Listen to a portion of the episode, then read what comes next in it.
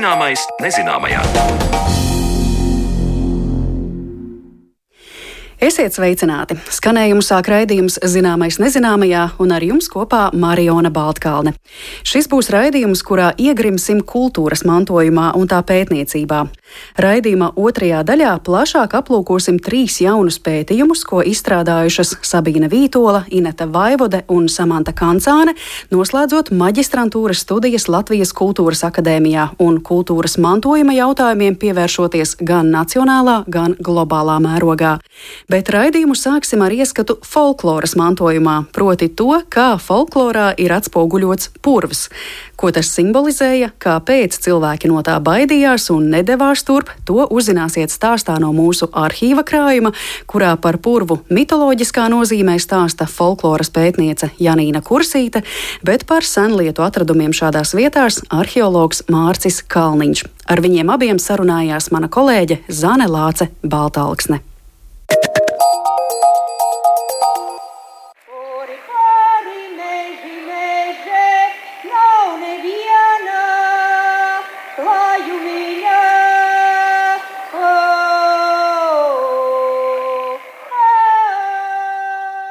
Gatavojoties šai sarunai, izdomāju, ka purvs ir vienīgā vieta Latvijā, kas nav cilvēku sacūkots, jo tur ir bīstami iet. Tā saka Latvijas Universitātes Humanitāro zinātņu fakultātes profesore un folkloras pētniece Janīna Kursīte. Purva velns, tur mītošās čūskas, purvs kā elle, kā ceļš uz mirušo valstību, vieta, kur apmaldīties un pazust. Tā mītiskā apziņā tas tiek traktēts, un tāpēc turpmākajās minūtēs lūkosim, kā latviešu mitoloģijā tiek atspoguļots purvs. Par to attālināti ierakstītā sarunā stāsta Janīna Kursīte kurš ir bīstams. Gan fiziskā nozīmē, bet vēl jau vairāk mītiski, maģiskā nozīmē. Kurš ir vieta, kas ir hausa telpa. Un hausa telpā tev ir kā labirintā jāatrod izēja. Ne tikai ieeja, bet arī izēja.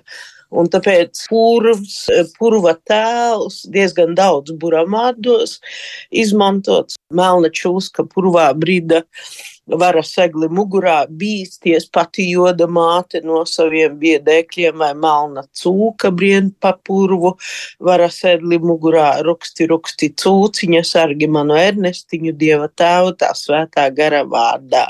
Droši vien āmen arī beigās. Kā jau buramārdos salikts gan pirmskristietiskais, gan kristietiskais, lai būtu stiprāk.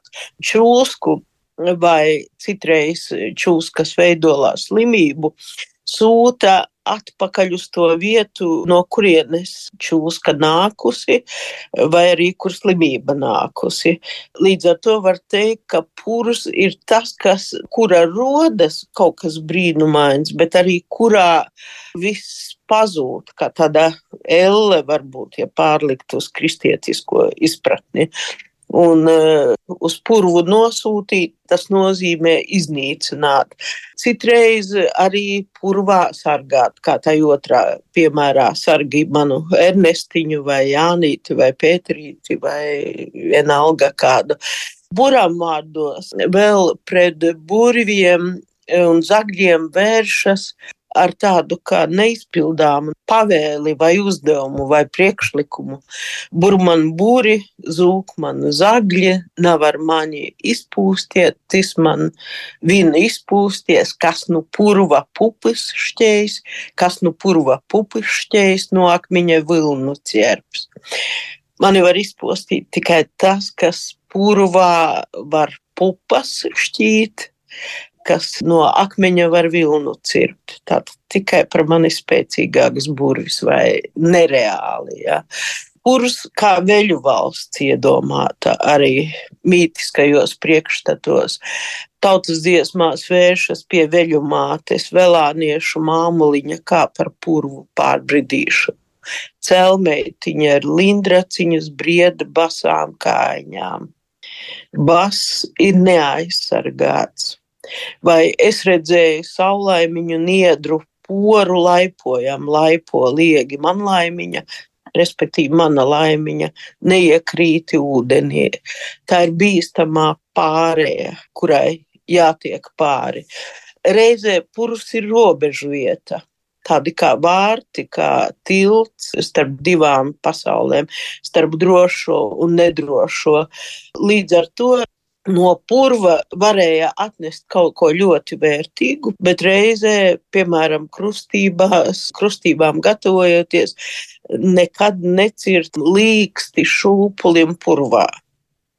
Es tev lūdzu, krustatēvs, necērt līksti purmalā, cērt augstā kalniņā, lai ārdava valodiņa. Respektīvi, lai droša, lai plaša, lai laba valoda. Žagatiņa žadzināja purva bērza galiņā, dēlu māte noslīkuse, purvā rāva ūdenī. Citām tautām purvs senatnē bija kā vieta, kur apbedīt mirušos, bet arheologi uzskata, ka daudzos gadījumos te uzietās cilvēka ķermeņa atliekas liecina par vardarbīgu nāvi vai cilvēka ziedojumu bīstamām purva dievībām. Pirms turpinām sarunu ar Janīnu Kursīti par purvu latviešu mitoloģijā, piedāvāju ierakstu ar Latvijas arheologu biedrības pārstāvi Latvijas universitātes pētnieku Mārci Kalniņu par uzietiem priekšmetiem, kas ir labi saglabājušies purva vidē un atradumiem, kas liecina par cilvēku abedīšanu šādās vietās. Abedīšana purvā kā tāda vairāk ir raksturīga, nu, kā mēs to varētu nosaukt, centrāla Eiropai un Skandināvijai, respektīvi, tā ir Vācija, kur ir visvairāk, pārpa 50 vai ap 50 šie abadījumi, tad ir Dānija, Īrija, Nīderlande, Polija, Zviedrija, Lielbritānija. Tuvākais mums ir Igaunijā, Rabivēre. Rabivēre sieviete, bet Abadījums tas ir, bet katrā gadījumā tas nav tāds klasisks abadījums, jo pēc visas spriežot, viņai ir ievainojums uz kakla, viņa bija noslapkavota, un pie viņas ir atrasta arī monēta ar 1667. gada datējumu. Līdz ar to tas ir salīdzinoši jauns. Ja mēs domājam par Latviju un purviem, tad Latvijā purvos ir arheoloģiski atradumi, tie nav apbedījumi. Ir piemēram tāds tīrs purva, jeb Dunikas tīrelis, kas mūsdienās saucās tīrs purva depozīts, 9. gadsimts kur ir drēbes, dažādi priekšmeti, atrasti divi vairogi. To depozītu daļas var apskatīt arī Nacionālā vēstures muzejā, vismaz vienu vairogu noteikti ekspozīcijā. Nu, tas ir tāds Latvijai viens no unikālākajiem atradumiem, jo tas ir, man liekas, šķiet, ka vienīgā bezmaz vai liecība, kas mums ir par apģērbu, cilvēku apģērbu, kas nav atrasts abadījumā.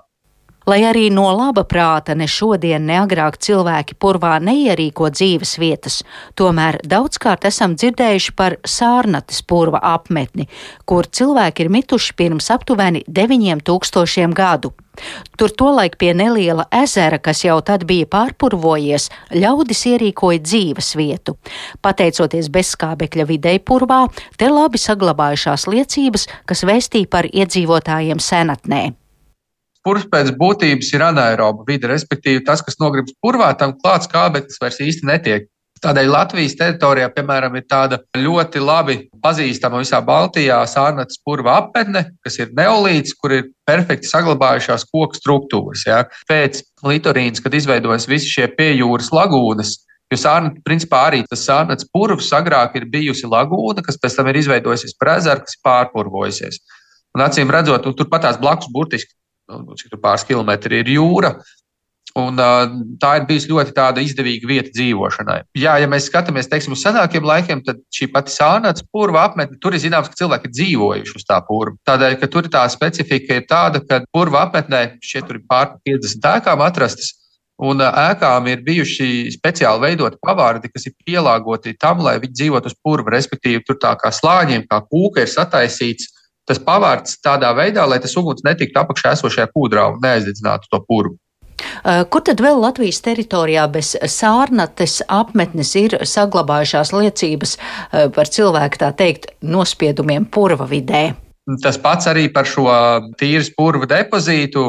Tur šie audumi, nu, salīdzinoši ļoti labi saglabājušies. Arī koka daļas. Tur ir viens no Eiropā vislabāk saglabājušamies, tā varētu teikt, tādiem ļoti labiem piemēriem, kā šie apaļie vairogi. Viņam bija divi vairogi, tajā depozītā bija noguldīti, un viens no viņiem ir ar koka trombonu. Nu, respektīvi, tā daļa, kas sargā roku, ir no koka. Kas nav raksturīgi, jo parasti šīs detaļas nesaglabājas. Nu, šajā gadījumā tā bija saglabājusies. Arī āda ļoti labi saglabājās. Grūtāk varētu būt ar metāla priekšmetiem, jo purvs tomēr ir tāda ļoti specifiska vide, skāba vide, kur metāls varētu arī tik labi nesaglabāties. Bet kopumā, teiksim tā, ka jebkādi atradumi purvos un arī zem ūdens parasti ir ļoti labā stāvoklī, jo nu, skābeklis klāt netiek, attiecīgi nenotiek degradācijas process. Ja? Nu, viņš saglabājas tāds, kāds viņš ir. Bet vai šīs e, tīras purva atradnes arī liecina par e, dzīvi purvā? Nu, par to tīras purva depozītu tas ir acīm redzot noglabāts purvā, jo šobrīd ir tā versija par to, ka tas ir ziedojums pēc kādas iespējams veiksmīgas kaujas, jo kaut kas līdzīgs ir arī Skandināvijā. Jo tas ir tieši tas periods, 9. gadsimta otrā puse. Tas ir tas laiks, kad mūsu Baltijas jūras reģionā ir izteikta karošana, kurš uzbruk skandināviem, skandināvi uzbruk mūsu teritorijām. Un, un tādēļ arī šis tā depozīts daļai tiek saistīts kā iespējams kā veiksmīga, tā teikt, tā ir viena no interpretācijām, jā, veiksmīgas cīņas vai nu pievilināšanai, pateicība pēc veiksmīgas kaujas, to grūti pateikt. Jā. Tik tālu Mārcis Kalniņš par arheoloģiskajiem atradumiem purvā, bet turpinājumā skatīsim, kas tomēr, neraugoties uz minētās vidas bīstamību, vilināja ļaudis uz purvu. Kā teica folkloras pētniece Janīna Kursīte, tad bieži vien ticējumos un nostāstos tiek runāts par purva augu dažādību un bagātību, un vēl mūsdienās ir sastopamas sievas, kuras no mammas, vecmāmiņas vai vecvecmāmiņas ir pārņēmušas zināšanas par purva augiem, bet, kā teica Janīna Kursīte, tad ilgu laiku par šīm purva augu zinībām klusēja, bailēs, ka ļaudis to uzskatīs par raganu arodu un sodīs šādas purva zāļu sieviņas. Lai arī bīstams tas purvs, tomēr noslēpumu pilns. Ja reiz maldugunis tajā spīd, tad pēc teikām un nostāstiem zinām, ka šīs uguntiņas ir vilinājušas apslēptas mantas meklētājus par malduguniem, jeb liekajām ugunīm, jeb arī dažādos vārdos sauktām, uzskatīja, ka Malduguns var vienā gadījumā norādīt uz apslēptu naudu. Otrā gadījumā var tā tevi aizmaldināt, ka tu neatradīsi atpakaļceļu. Un tāpēc bija jāizšķiras, vai nu tu ej, un parasti bija jāiet pusnaktī. Mežā bail ieiet pusnaktī, kur nu vēl purvā, un tā malduguns tevi ved.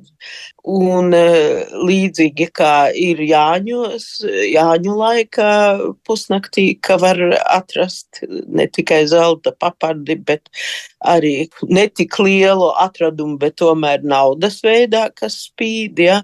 Bet jārēķinās, ka aizmugurē atskanēs trokšņi, zvēru rūcieni, un tev gribas atskatīties, beigt līdz ko tu paskaties atpakaļ, viss tas pazudīs. Pazudīs, nu, līdz rītam sagaidīs un izies no meža, bet ko darīt purvā? Un tāpēc stāstu par to, kā purvā atrasta nauda. Nav daudz, bet nu, tie ir brīnuma stāsti. Un nereti tam klāt arī vēsturiskās teikas.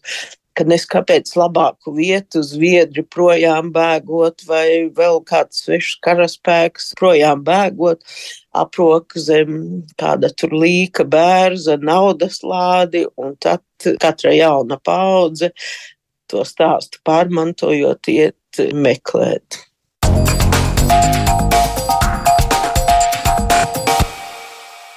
Tas bija stāsts no mūsu arhīva par purviem folklorā un atradumiem purvos. Dzirdējāt folkloras pētnieces Janīnas Kursītes un arheologa Mārča Kalniņa skaidrojumus, un ar viņiem tikās Zanelāce Baltāksne. Bet raidījumu pēc mirkļa turpināsim ar ieskatu pavisam nesenos un ļoti dažādos pētījumos kultūras mantojuma jomā.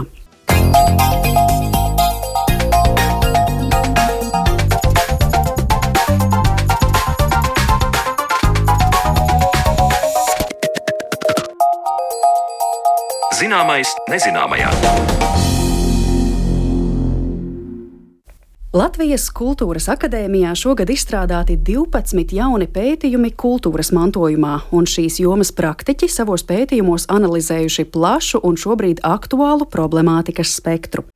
Mēs raidījumā turpmākajās minūtēs sarunāsimies ar trim pētījumu autoriem. Viņas savos darbos aktualizē gan to, kā mums labāk uztvert Latvijas un Baltijas vēstures smagās lapuses, gan uzdod jautājumu par teksta elementu nozīmi muzejos, gan skata, cik aizsargāta vai tieši otrādi neaizsargāta kultūra ir pašreizējos apstākļos, kad Ukrainā joprojām turpinās kara darbība.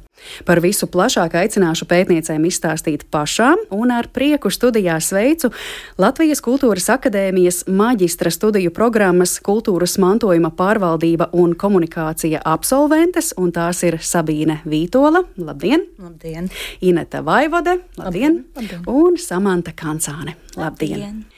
Vispirms es gribētu tuvāk saprast, kas jūs pamudināja pētījumos pievērsties tieši šiem konkrētajiem tematiem.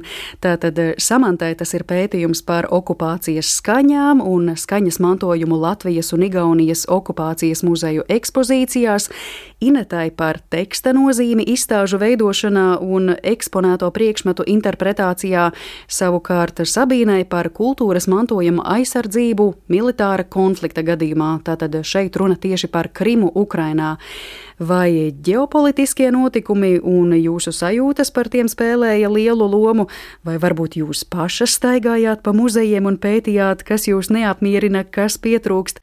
Es te tā cenšos uzminēt jūsu motivāciju. Sabīne, sāksim ar jums. Jā, nu kā jau tu jautājumā ieskicē, ģeopolitiskā situācija ir tāda, kāda viņa ir, un tas noteikti bija primārais motivators, kādēļ izvēlēties tādu tēmu. Bet man kā ilgadējam kultūras nozares darbiniekam vienkārši bija dziļi privātā ziņa un interese. Nu, kā mēs paši šeit uz vietas rīkotos atmiņu institūcijās, ja pienāk krīzes situācija. Un tad, protams, arī tad, kad sākās karš, tad visi šie vadlīniju jautājumi tika aktualizēti, kā rīkoties un kāds ir mūsu pašu gatavības stāvoklis. Un tieši no šī praktiskā aspekta izrietot, eh, es savā galvā sapratu, ka tas jau nenotiek nu, individuāli. Tas viss ir sasaistīts kopdarbs. Un, eh, tad, attiecīgi, ķēdīt tālāk aizved uz to, ka tas notiek nacionāli, globāli. Un tad studiju kursā UNESCO mēs apskatījām diezgan eh, bieži no dažādiem rakursiem. Un tad UNESCO ir tas, kas man iesēdās prātā un radās interese, nu, kā tad UNESCO praktiski rīkojas krīzes situācijās. Un atmiņas institūcijas, ko pieminējāt, tad ir eh, ne tikai muzeja, bet arī bibliotekas, arhīvi, kā tas viss nāktu kopā, lai glābtu kaut ko Jā. nepieciešamības gadījumā. Jā. Ineta, dosimies tālāk pie jūsu motivācijas. Jā, paldies. Mana pētījuma centrā ir tieši teksta nozīme izstāžu veidošanā, it īpaši lielu uzmanību pievēršot tieši krājuma priekšmetu interpretācijai. Man liekas, ka atziņa par to, ka dažādu muzeju izstādēs tekstu ir daudz, ka tie nav lasām, ir diezgan bieži izplatīta. Bet uzsākot studijas akadēmijā, viens no uzdevumiem bija prezentēt savu maģistra darba ieceri. Un tad pirmajā kursā likās, ka viss ir skaidrs, es pilnīgi noteikti zinu, par ko es rakstīšu. Bet tad pirmo divu semestru laikā mēs saskārāmies ar jaunām, ar kultūras mantojumu saistītām disciplīnām, piemēram, kritiskās mantojuma studijas vai mantojuma interpretācija, kas um, sniedz iespēju arī sevi izaicināt, varbūt, un meklēt jaunus tādus tematiskos salikumus un varbūt vairāk koncentrēties, domājot par tekstu nevis uz tādiem praktiskiem aspektiem, piemēram, cik liela ir burti, cik viegli ir salasāms teksts, bet um, uzmanību pievērst tieši tam interpretācijas aspektam, kā kuratoru izveidotie teksti ietekmē izstādes uh, apmeklētāju priekšstatus par to, kas ir eksponēts un kā tas ietekmē mūsu uztveri. Tas man likās ļoti, ļoti saistoši. Un arī ņemot vērā visas uh, aktuālās muzeja nozarē notiekošās pārmaiņas, piemēram, 2022. gadā tika ieviesta arī jaunā muzeja definīcija, kas uzsver to augošo komunikācijas nozīmi un arī palielinājošos uh, interpretācijas aspekta nozīmi. Līdz ar to man likās um, vērtīgi apskatīt tieši tekstu šādā salikumā un pēdējā laikā arī tik daudz izskan no dažādu muzeju apmeklētājiem, ka kaut kur plāksnītes pa zemu un nevar izlasīt, un kas tur vispār ir domāts. Tas varbūt nav konkrēti jūsu mērķis tur eh, tos tekstus un burtu lielumus analizēt, kā jūs teicāt, bet jebkurā gadījumā stāsts par uzrakstiem virmo sabiedrībā un no dažādu izstāžu apmeklētājiem. Samanta, nonākot pie jums, mēs savā ziņā tādu kā apli esam apgājuši, jo jau pieskārāmies ģeopolitiskajiem jautājumiem, kad runājām par Sabīnes eh, pētījumu. Jūsu gadījumā atkal ienāk šis okupācijas, šis kara jautājums, bet vairāk skatot Latvijas un Baltijas kontekstu. Tātad eh, to, kā skaņa tiek izmantota okupācijas muzejos. Kāpēc šāda vēlme?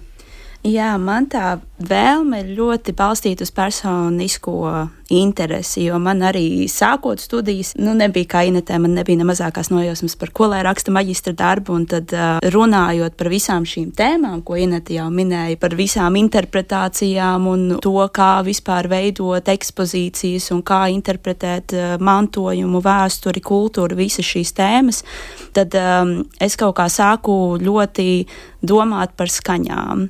Un es īstenībā sapratu, ka nenotiek nekāda diskusija par tādu akustisko vidi un tās ietekmi tieši domājot par šo kultūras mantojuma nozari. Mēģinot atrast informāciju, sapratu, ka nu, tiešām neviens īsti Latvijā nav pētījis, kas tad notiek ar tām skaņām, bet galu galā viņas tomēr ir ļoti svarīga daļa no ikdienas un vispār cilvēka dzīves. Un līdz ar to tas loģiskais turpinājums, kā vispār ievirzīt to tēmu, tad, um, bija okupācijas muzeja, jo okupācija tiešām arī, nu, kā mēs te runājam, ir kļuvusi par ļoti aktuālu tematu tagad saistībā ar šiem ģeopolitiskajiem notikumiem, bet arī tīri tas, ka Latvijai un Igaunijai okupācija ir diezgan tāda nesena pagātne, kas aizvien vēl ļoti ietekmē visu sabiedrību ļoti daudz un dažādos uh, veidos. Un līdz ar to man likās tikai loģiski izpētīt, kā tad ar skaņas palīdzību tiek attainots tas uh, stāsts uh, par okupāciju šo abu valstu muzejos, kas tad šai tēmai ir veltīti. Mm -hmm. Tad, kad mēs parasti runājam par pētījumiem dabas zinātņu jomā, tur viss ir diezgan eksakti, ja un tieši ir cipari un Excel tabulas, kā bieži vien saka. Es varbūt tagad tā ļoti vienkāršoju, bet tad, kad mēs nonākam pie pētījumiem humanitārijās un sociālajās nozarēs, tad uh, bieži vien tas ir tāds jautājums, kā tad mums tagad iegūt tos datus, kā mums pareizi interpretēt tos datus. Gan kvantitatīvās, gan kvalitatīvās pētniecības metodes ir iespējamas uh, humanitārijās zinātnēs. Varbūt jūs varat īsi ieskicēt, uh, kādas bija jūsu pētniecības metodes. Anket anketēšana, intervijas, diskusijas, varbūt sociālo mēdīju analīze. Mēs tagad varbūt varam no otras puses apli taisīt ar samantu. Ja?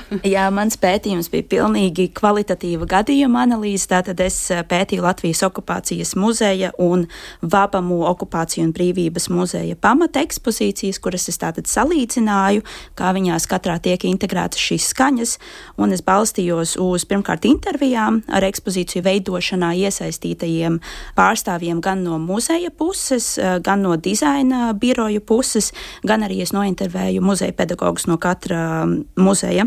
Un tad es arī balstījos uz konta analīzi, jeb tā teikt, lauka darbu, kur tad es vairākas reizes gāju cauri šīm ekspozīcijām, tad veicu piezīmes un galu galā mēģināju kategorizēt visu, ko es esmu dzirdējusi, un tad liku to visu kopā. Tātad pašai bija arī iespēja maģistra darbā saistībā paviesoties Igaunijas Jā. okupācijas muzejā, kur es pieļauju, liela daļa Latvijas cilvēku, tostarp es pati, nemaz nav bijuši. Mm.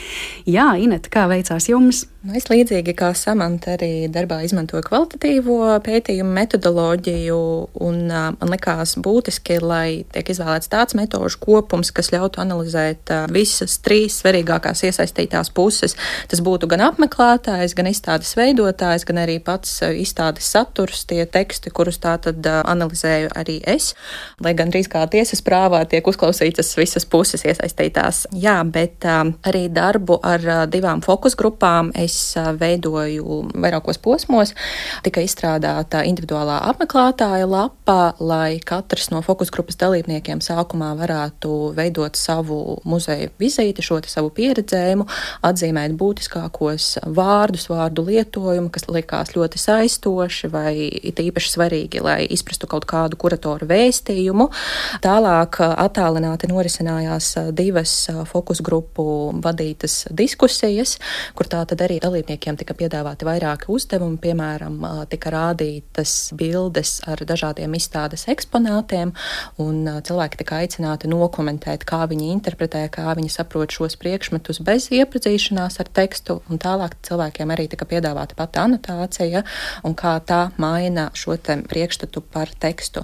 Bet jāsaka, ka arī līdzīgi kā Samantai, man bija izvēlēts konkrēts gadījums. Es analizēju Paula Stradiņa medicīnas muzeja izstādi Sneakeri, Eko un Ego, kas man likās tiešām ļoti pateicīga izstāde, ņemot vērā to, ka muzejs šobrīd atrodas tādā pārmaiņu procesā. Tas gan pārdefinēja sevi, gan savu auditoriju, gan pieejas izstādēm.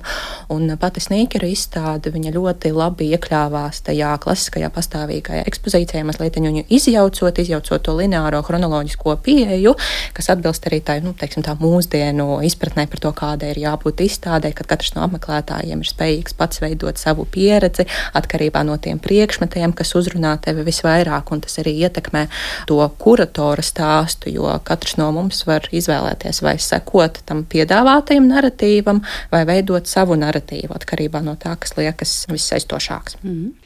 Sabīne, jūs aiziet uz muzeju klātienē droši vien nevarējāt, jā? Atšķirībā no Inetas vai Samantas, jūsu stāsts ir par Ukrainu, konkrēti par eh, Krimu, kā tikt pie datiem vai šajā gadījumā, jā, kādas pētniecības metodas izmantot. Es arī balstījos kvalitatīvajā Bet eh, jāsaka, mana izvēle atšķīrās no visiem citiem kursu biedriem. Visi izteica pārsteigumu un savā ziņā apbrīnu par to, ka mana izvēle bija balstīties tieši dokumentu analīzē. UNESCO publicētajā datu bāzē digitāli tādi ir pieejami. Jā, tā kā darbs ar dokumentiem un šī satura tematiskā analīze, atlase, tas bija mans primārais darba fokus, kā iegūt datus.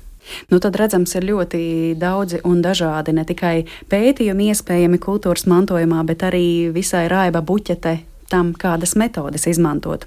Es tālāk gribētu mazliet, mazliet dziļāk papreparēt katras jūsu maģistra darbu, ko jūs jau skaisti esat iezīmējušas. Un eh, vispirms gribētu pieķerties eh, Samantas darbam, jo man ļoti patika un aizķērās šis vārdu salikums eh, skaņas mantojums. Tātad skaņas mantojums okupācijas muzejos Latvijā un Igaunijā kas vispār ir eh, skaņas mantojums un kā skaņu var mantot? mm -hmm. nu, manuprāt, to var definēt noteikti dažādi, balstoties uz dažādiem kontekstiem, dažādiem muzejiem, bet eh, nu, manā tajā izpratnē skaņas mantojums ir tādi dažādi vēsturiskie, autentiskie skaņu ieraksti, kas kaut kādā mērā ir eh, apzināti saglabāti visticamāk. Un savā ziņā tie noteikti ir arī ar laiku kļuvuši par nozīmīgu tādu vēsturi vēsturiskās atmiņas nesēju.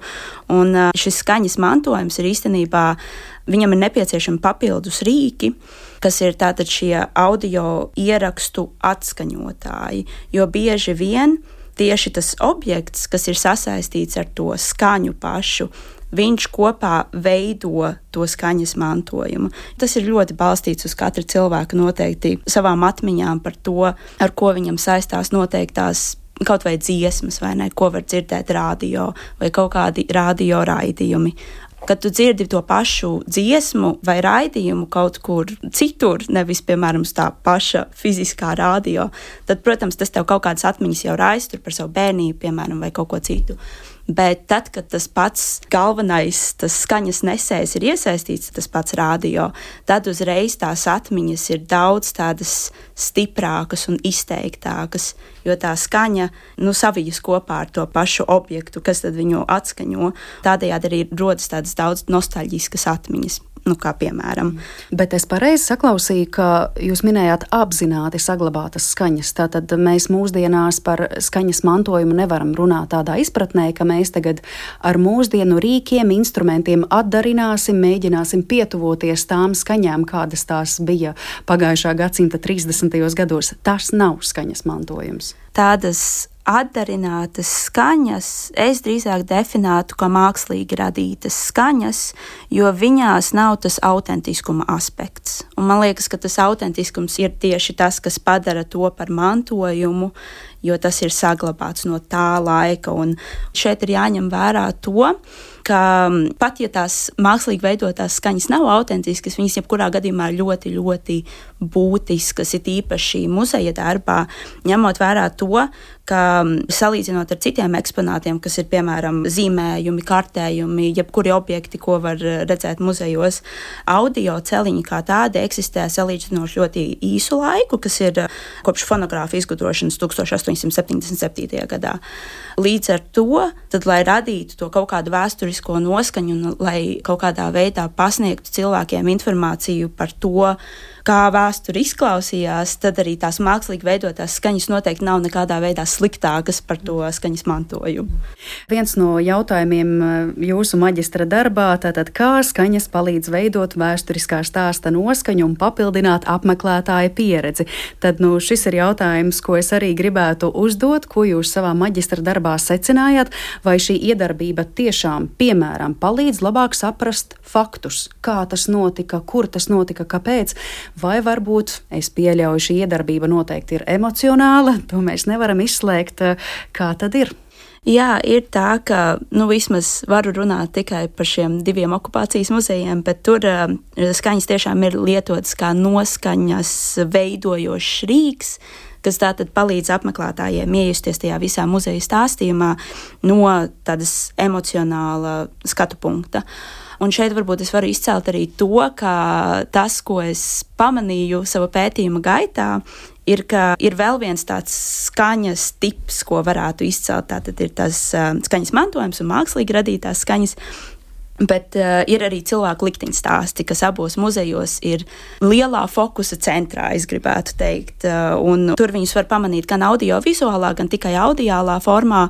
Viņi ir pierādījušies kā ļoti svarīga daļa no tā, kā tas vispār okupācijas stāsts ir veidots un pasniegts apmeklētājiem.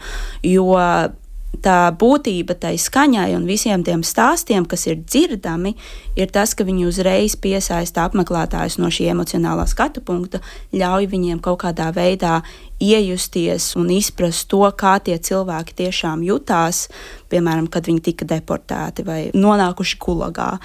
Un līdz ar to tas arī noteikti palīdz cilvēkam kaut kādā ziņā apstrādāt to visu faktuālo informāciju, ko viņš ir ieguvis caur tekstveidi vai klausoties uh, gidā. Un tad tā skaņa vienkārši piedod vēl vienu aspektu tam viņa pieredzējumam muzejā. Jā. Nu, kāds atzinums par Latvijas un Igaunijas muzeju? Man, protams, negribētos aiziet līdz tam, ka mēs tagad sakām, ka kaut kas ir labāks vai sliktāks, kā parasti Latviju, Lietuvu un Igauniju mēdz salīdzināt, bet varbūt kaut kas vērtīgais, ko jūs pamanījāt īpaši labi, o, Latvijā tas strādā vai Igaunijā.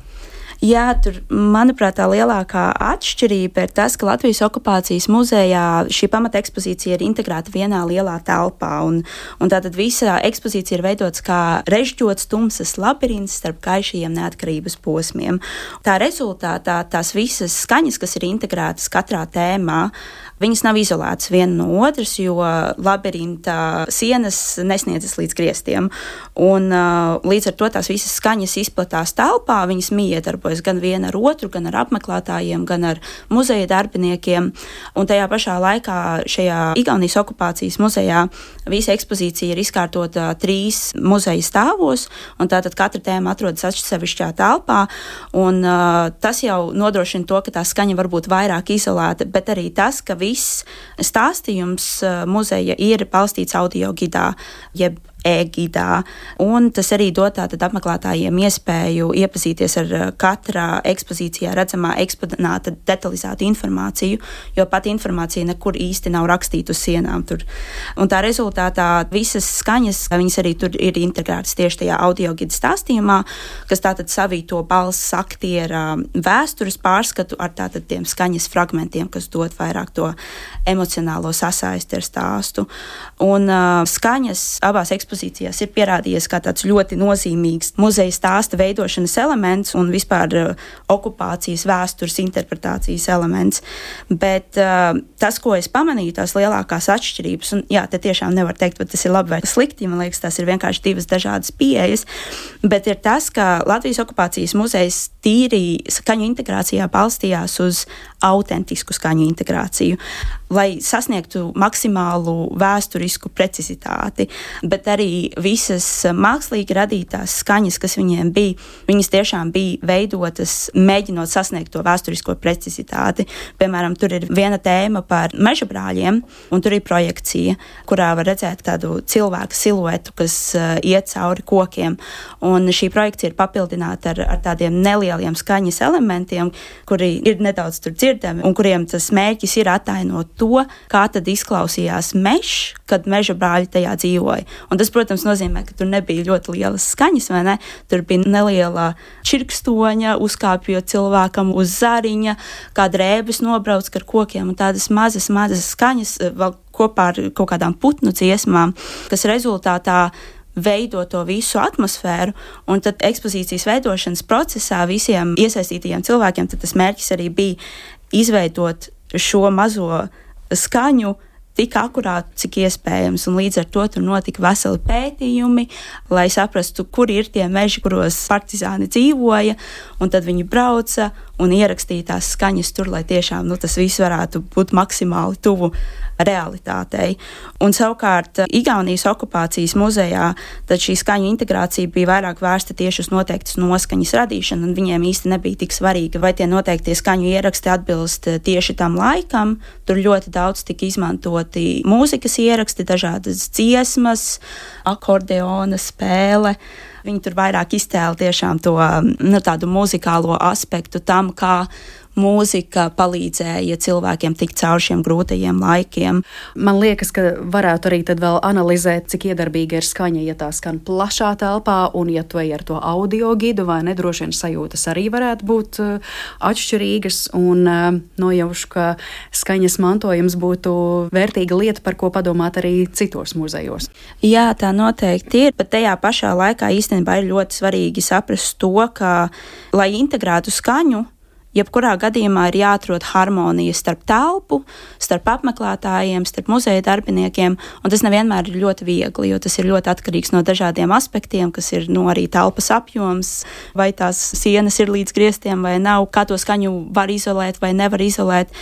Un, uh, līdz ar to ir arī jādomā par to, ka ne visi apmeklētāji izbauda, ka viņiem obligāti ir piemēram jāņem tas pats audio gids, vai viņi arī varbūt neizbauda to, ka viņiem tās skaņas visur ir apkārt. Un tāpēc ir ļoti svarīgi tiešām atrast tādu kompromisu, lai tiem dažādiem apmeklētāju tipiem tā pieredze būtu tāda veiksmīga, un lai viņi varētu atrast kaut kādu veidu, kā iziet tam cauri, kā viņi to vēlas. Un līdz ar to jā, tās skaņas ir ļoti labs veids, kā eh, papildināt uh, ekspozīcijas un tādus vēsturiskos stāstus, bet ir jāatcerās, ka nevar viņus integrēt par daudz. Un tas ir tiešām ļoti atkarīgs arī no tēmas, jo noteikti daudzās tēmās tās skaņas vienkārši nevajag. Un varbūt klusums ir pat spēcīgāks līdzeklis, kā kaut ko pasniegt, nekā tā skaņa. Nu, klusums galu galā arī ir skaņa. Jā.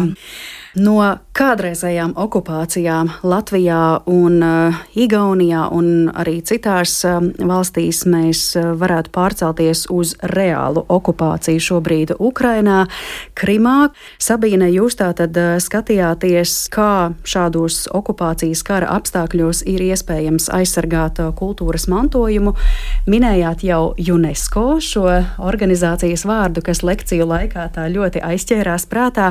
Jautājums, ko šo šobrīd jau UNESCO regulējumi, likumi, noteikumi paredz attiecībā uz kultūras mantojuma saglabāšanu militāra konflikta gadījumā? Balstoties tieši no savas dokumentu analīzes, es varu secināt, ka joprojām tas primārais, uz ko balstīties, ir 1954. gadā Hāgā pieņemtā konvencija par kultūras vērtību aizsardzību bruņotu konflikta gadījumā un tās divi protokoli protams, UNESCO konvencijas, kuru dalību valstis tātad ratificē un akceptē savā ziņā visus tās saistošos noteikumus, kā būtu jārīkojas, kā būtu jāsaglabā.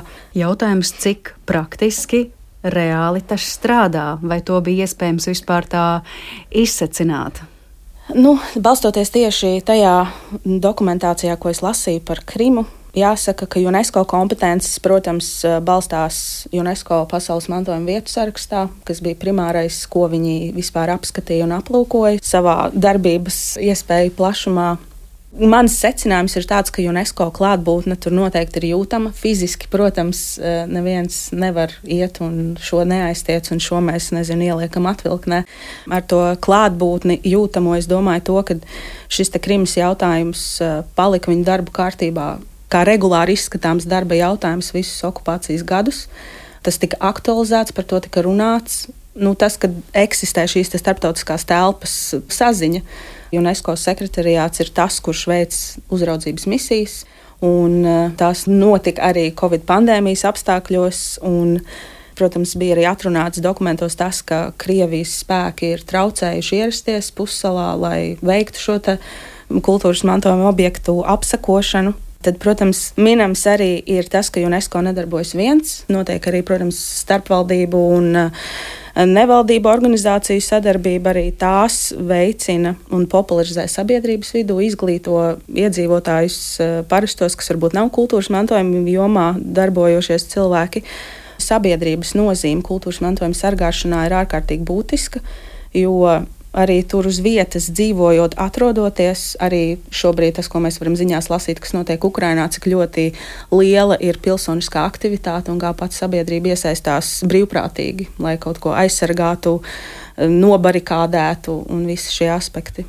Savā darbā kā pētniecības metode izmantojāt dokumentu analīzi, un te nu es gribētu jautāt, vai veidojot pētījumu, jūs arī saskārāties ar reālām praktiskām grūtībām? Cik eh, viegli bija tikt klātiem dokumentiem? À, jā, ne, UNESCO ir brīnišķīga digitālā datubāze, biblioteka, kur ir ārkārtīgi sīki un smalki, tiešām pa konferenču sesiju numuriem, gadiem, datumiem.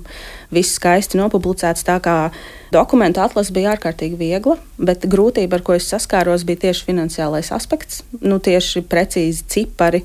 Jo skaidrs, ka visas šīs aktivitātes ir finansiāli kādam jāsponsorē un jāatbalsta. Un finansiālie aspekti ir tas, kas tika minēts, ka jā, šī ir grūtība, kādēļ varbūt efektīvāk vai neefektīvāk mēs varam vai nevaram palīdzēt konkrētās situācijās. Bet jā, nu tad grūtības bija ieraudzīt šos konkrētos skaitļus, kas varbūt skaitās kā konfidenciālāka informācija. Kāds varbūt viens atzinums darba gala rezultātā, secinājums? Jā, nu es joprojām atsaukšos uz to pašu sabiedrības iesaisti, ka visiem, visiem, visiem kultūras nozarē strādājošiem cilvēkiem noteikti ir jāstrādā pie sabiedrības izglītošanas, kas ir arī viena no UNESCO kompetencēm. Jā, jo sabiedrība tiešām spēlē lielu lomu. Kaut vai nu, mēs apzināmies, kas mums ir apkārt un ka mums ir jāsaprot, kas ir mūsu vērtības un kāpēc tās ir vērtības. Ineta, vēl gribētu pievērsties arī jums par tātad teksta nozīmi muzejos, eh, izstādēs. Jūs jau arī pirmīt ieskicējāt pētniecības metodes. Palūkojoties uz šīm abām pusēm, cik tad teksti ir svarīgi izstāžu muzeju apmeklētājiem, un arī no otras puses, cik tie ir svarīgi izstāžu jeb kādu notikumu veidotājiem, nu, piemēram, kuratoriem. Es domāju, ka tieši sāksim ar kuratoriem, neskatoties uz to, ka savā pētījumā daudz vairāk laika veltīja tieši darbam ar apmeklētāju grupām. Izaicināju radošo komandu, uzdodot arī teorētiskus jautājumus par to, kā viņi izprot jēdzienu teksts, jo tas arī ietekmē to turpmāko darbu pēc muzeju speciālistu domām. Protams, tas ir ļoti sarežģīts koncepts, un uh, to paskaidrot ir ļoti grūti bez informācijas par kontekstu, kurā atrodas uh, izstāžu teksts, piemēram, par kādu izstādes veidu mēs runājam. Droši vien pirmais, kas nāk prātā, varbūt ir mākslas izstādes ar skaistām slavenu meistaru glaznām pie sienām, bet tas tā nav. Ir dabas muzeja, ir vēstures muzeja ar savu specifiku, ar savu eksponēto priekšmetu īpatnībām, kas tiek ņemtas vērā arī veidojot izstādes, strādājot pie tekstiem tekstiem. Un vēl viens būtisks aspekts, domājot par izstāžu tekstiem, ir šī apziņa par uh, potenciālo auditoriju, kas ir tavs muzeja apmeklētājs, kurš nāks uz šīm izstādēm, lasīs tos tekstus, aplūkos priekšmetus un tālāk viņus uh, interpretēs. Jāņem vērā arī tas, ka katrai izstādē, protams, ir arī sava koncepcija, un tas arī ietekmē šīs pieejas tekstam, ietekmē arī dizainu. Bet um, neapšaubāmi radošās komandas pārstāvji um, uzsvēra to, ka būtisks ir pieejamības aspekts, uh, teksta lasāmība, teksta sadalīšana mazākās rindkopās, varbūt, lai mūsdienu cilvēkam ir vieglāk uh, šo lielo, lielo teksta blāķi uztvert. Arī tiek domāts par dažādām uh, teikumu konstrukcijām, kā atvieglot uztveri, piemēram, var tikt izmantot arī īpaši burtveidoli, kā tas notika arī snīkeru izstādes kontekstā, kad atsevišķi teksta fragmenti tika veidoti tādā burtveidolā, ko varētu salasīt cilvēki ar disleksiju. Un par šiem sarežģītajiem terminiem arī tiek domāts, jo man liekas, ka tas bieži vien no apmeklētāja puses arī ir tāds pārmetums, ka vis visādu gudru terminu savirknējumus, ko saprastu tikai mākslas kuratori vai citas nozares speciālisti, ej nu tagad saproti, ja, kas tur bija domāts. Es biju ļoti pārsteigta ar apmeklētāju atziņu par to, ka tieši termini ļoti skaidri atpazīstami, varbūt kaut kādi koncepti, jēdzieni, patiesībā ir tas, kas palīdz uztvert to tekstu domu, kas man likās tiešām tāda milzīga pretruna ar to, ko mēs esam pieraduši dzirdēt mēdīju telpā. Bet tieši tā anotācijās, kurās tika ietverti kaut kādi jēdzieni, piemēram, firmu nosaukumi vai kaut kādi procesu apzīmējumi, tas ir tas, kas vēlāk palika cilvēkiem atmiņā un uz ko viņi atsaucās arī vēlāk, pēc tam, kad izstādes apmeklējums ir beidzies. Bet uh, es domāju, ka ir jābūt uh, līdzsvaram starp šo te teksta pārslogojumu un, un, un tādu vieglu pieeju, m, mm, lai maksimāli uzrunātu plašāku auditoriju. Bet, ja mēs runājam par tādiem nišas uh, muzejiem, dažkārt no tās terminoloģijas nav iespējams izvairīties. Tāpēc tiešām tas ir jautājums par līdzsvaru, par balansu, un tas jau ir saistīts ar šo izstādes koncepciju. Par tekstiem ir jādomā izstādes izstrādes posmos, agrīnos posmos, kā tiks veidot stāstījums un kā tas tiešām komplementē šos izstādītos priekšmetus. Arī jautājums par pašu krājumu krājuma priekšmeta loma un nozīme izstādēs tika aktualizēts intervijās ar radošās komandas pārstāvjiem.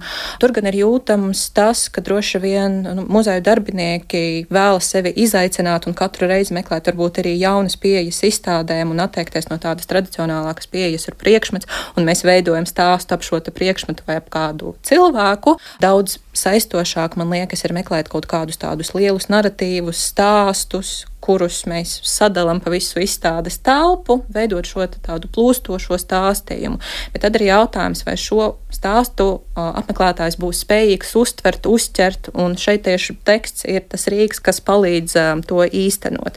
Bet arī domājot par to otru pusi, par pašiem apmeklētājiem, tiešām veidojās šī pretruna starp kuratoru ieceri veidot lielu tādu vērienīgu stāstījumu un apmeklētāju gatavību un spēju šo stāstu noķert, jo kāda bija viena no manām galvenajām atziņām pēc noritējušām diskusijām, ka cilvēki koncentrējas uz atsevišķiem priekšmetiem, bet nesavelk stāstu kopā. Un pat ja tu jautā, uzdod tādus provokatīvus, izaicinošus jautājumus, bet kā jūs, piemēram, sasaistat šo eksponātu ar, ar, ar to, kas atradās tam blakus zālē, tad retos gadījumos cilvēki spēja uzminēt to sākotnējo ieceri. Un, manuprāt, tas ir saistīts arī ar to, cik bieži cilvēki iet uz izstādēm, cik ļoti pieredzējuši izstāžu apmeklētāji viņi ir, jo arī starp fokus grupu dalībniekiem tomēr lielākā daļa gada laikā apmeklē mazāk par trim izstādēm jautājumu, kas, manuprāt, arī nu, ietekmē to spēju uztvert varbūt sarežģītākas idejas un, un konceptus.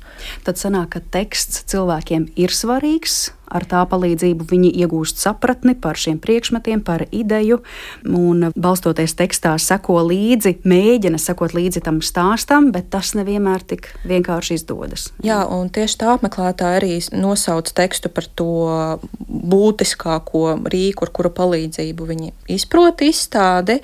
Interesanta atziņa arī bija par to, ka gadījumos, kad tu nogursti no priekšmetu apskates, vai tev liekas, ka viss ir par daudz tev apkārt, anotācija un teksts ir tieši tā vietiņa, kur tu vari restartēties, izlasot to tekstu, mazliet pat meditatīvi, varbūt apcerīgi, kaut kā sakopt uh, savas domas, un tad turpināt savu vizīti. Jā.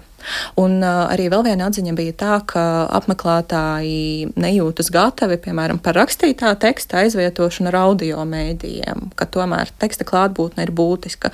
Un kas īpaši uzrunā apmeklētājus, ir tomēr kaut kāds emocionāls veistījums, un šeit es nerunāju par tādu pārlieku biežu epitetu lietojumu, par kādu emocionāli spēcīgu vārdu lietojumu, bet um, noteikti vārdi, kas varbūt raisa iztēli, palīdz uzburt dažādas vizuālas ainas, piemēram, piemēram, sīkuru izstādē tika eksponēta Ķīnas lotusa kurpīte, ka tā tad tika apsietas sieviešu pēdas, kropļojot tās, un anotācijās bija ļoti emocionāli vārdi, tieši varbūt saistīti ar, ar, ar to neglītumu, kas arī vēlāk parādījās cilvēku atbildēs. Nu, tātad šī emocija ir tas, kas palīdz pēc tam arī iegaumēt to stāstu un, un varbūt arī labāk viņu izprast. Jūs minat, ka teksts ļauj atpūsties no priekšmetiem, jo reizēm, man liekas, ir arī vērojams eh, pretējais, ka no tekstiem cilvēki ļoti nogurst. Sākumā es arī esmu tāds cītīgs plāksnīšu lasītājs, es varu atzīties, un reizēm, ja to objektu ir ļoti, ļoti daudz, tad tu lasi, lasi, lasi, un beigās, ai, muzejs jau drīz vērsies ciet, ai, vairs nelasīšu, tikai paskatīšos gleznas, vai ne? Tā kā man liekas ļoti, ļoti interesants šis secinājums. Nu jā, un vēl droši vien mēs varētu arī analizēt, kā vispār māksla kurā ir teksts iet roku rokā ar uztveri vai ne. Atcerēsimies, ka pagājušajā gadā Latvijas Nacionālajā Mākslas muzejā tieši bija šāda izstāde. Es teksts, kas bija veltīta teksta mākslā. Tieši tā gadījuma, kad uh, teksts tiek eksponēts, arī ir uzmanības vērti. Piemēram, ja mēs domājam par bibliotēku izstādēm, kad uh, pats priekšmets ir grāmata, kur atrodas aiz stikla, aiz vitrīnes, kurai tu atņem iespēju saglabāt savu to sākotnējo nozīmi, tu nevari grāmatu šķirstīt, tur jau ir uzrakstīts teksts, tam klāt virsū nāk vēl kaut kādas anotācijas plāksnītes ar vēl vienu teksta blāķi, līdz ar to tur ir jādomā varbūt par kādiem alternatīvajiem risinājumiem risinājumiem, par dizainu vai par to priekšmetu salikumu, lai tas ir saistoši un tieši tā, kā jūs arī minējāt, lai apmeklētājs nenogurst no lasīšanas. Mm -hmm. Tiešām ļoti plaši un daudzpusīgi ir jūsu pētījumi. Bija interesanti dzirdēt gan par jūsu atzinumiem un par pētniecības metodēm, un arī ieskatoties, kam pievērsās jūsu studiju biedri. Tad ir redzams, ka tās tēmas ir nebeidzamas. Ir piemēram pētīta arī muzeju pieejamība cilvēkiem ar redzes traucējumiem, analizēts, kā muzeja pamato apmeklētājiem cilvēku mirstīgo atlieku uzņemšanu krājumā un to pārvaldību. Ir pētīta kolhoza mantojuma interpretācija un vēl un vēl. Šajā reizē mēs varējām ieskicēt šos trīs uh, tematus, uh, bet es saprotu, ka ar pētījumiem plašāk var iepazīties Latvijas Kultūras Akadēmijā. Ja? Jā. Pētījumi ir pieejami apskatē, jā. jā. Doties uz bibliotēku, man liekas, ka elektroniski arī. Jā. Mm -hmm. Katrai droši vien jums ir tālāk savi citi plāni un mērķi, bet neatkarīgi no tiem es vēlu, lai šie jūsu maģistra darbi ir komats jūsu pētnieciskajā darbā, nevis punkts. Un, lai izdodas viss tālāk, un es atgādināšu klausītājiem, ka šodien zināmais nezināmajā studijā viesojās Latvijas Kultūras Akadēmijas maģistra studiju programmas Kultūras mantojuma pārvaldība un komunikācija absolventes Sabīna Vītola, Ineta Vaivode un Samanta Kancāne. Paldies jums visām trim! Un ar to arī mūsu raidījums ir izskanējis. Par to parūpējās Ansis Pavasaris, Reinis Budze, pie mikrofona bija Mariona Baltkalne. Paldies jums, klausītāji, par pievienošanos un uz sadzirdēšanos citu reizi!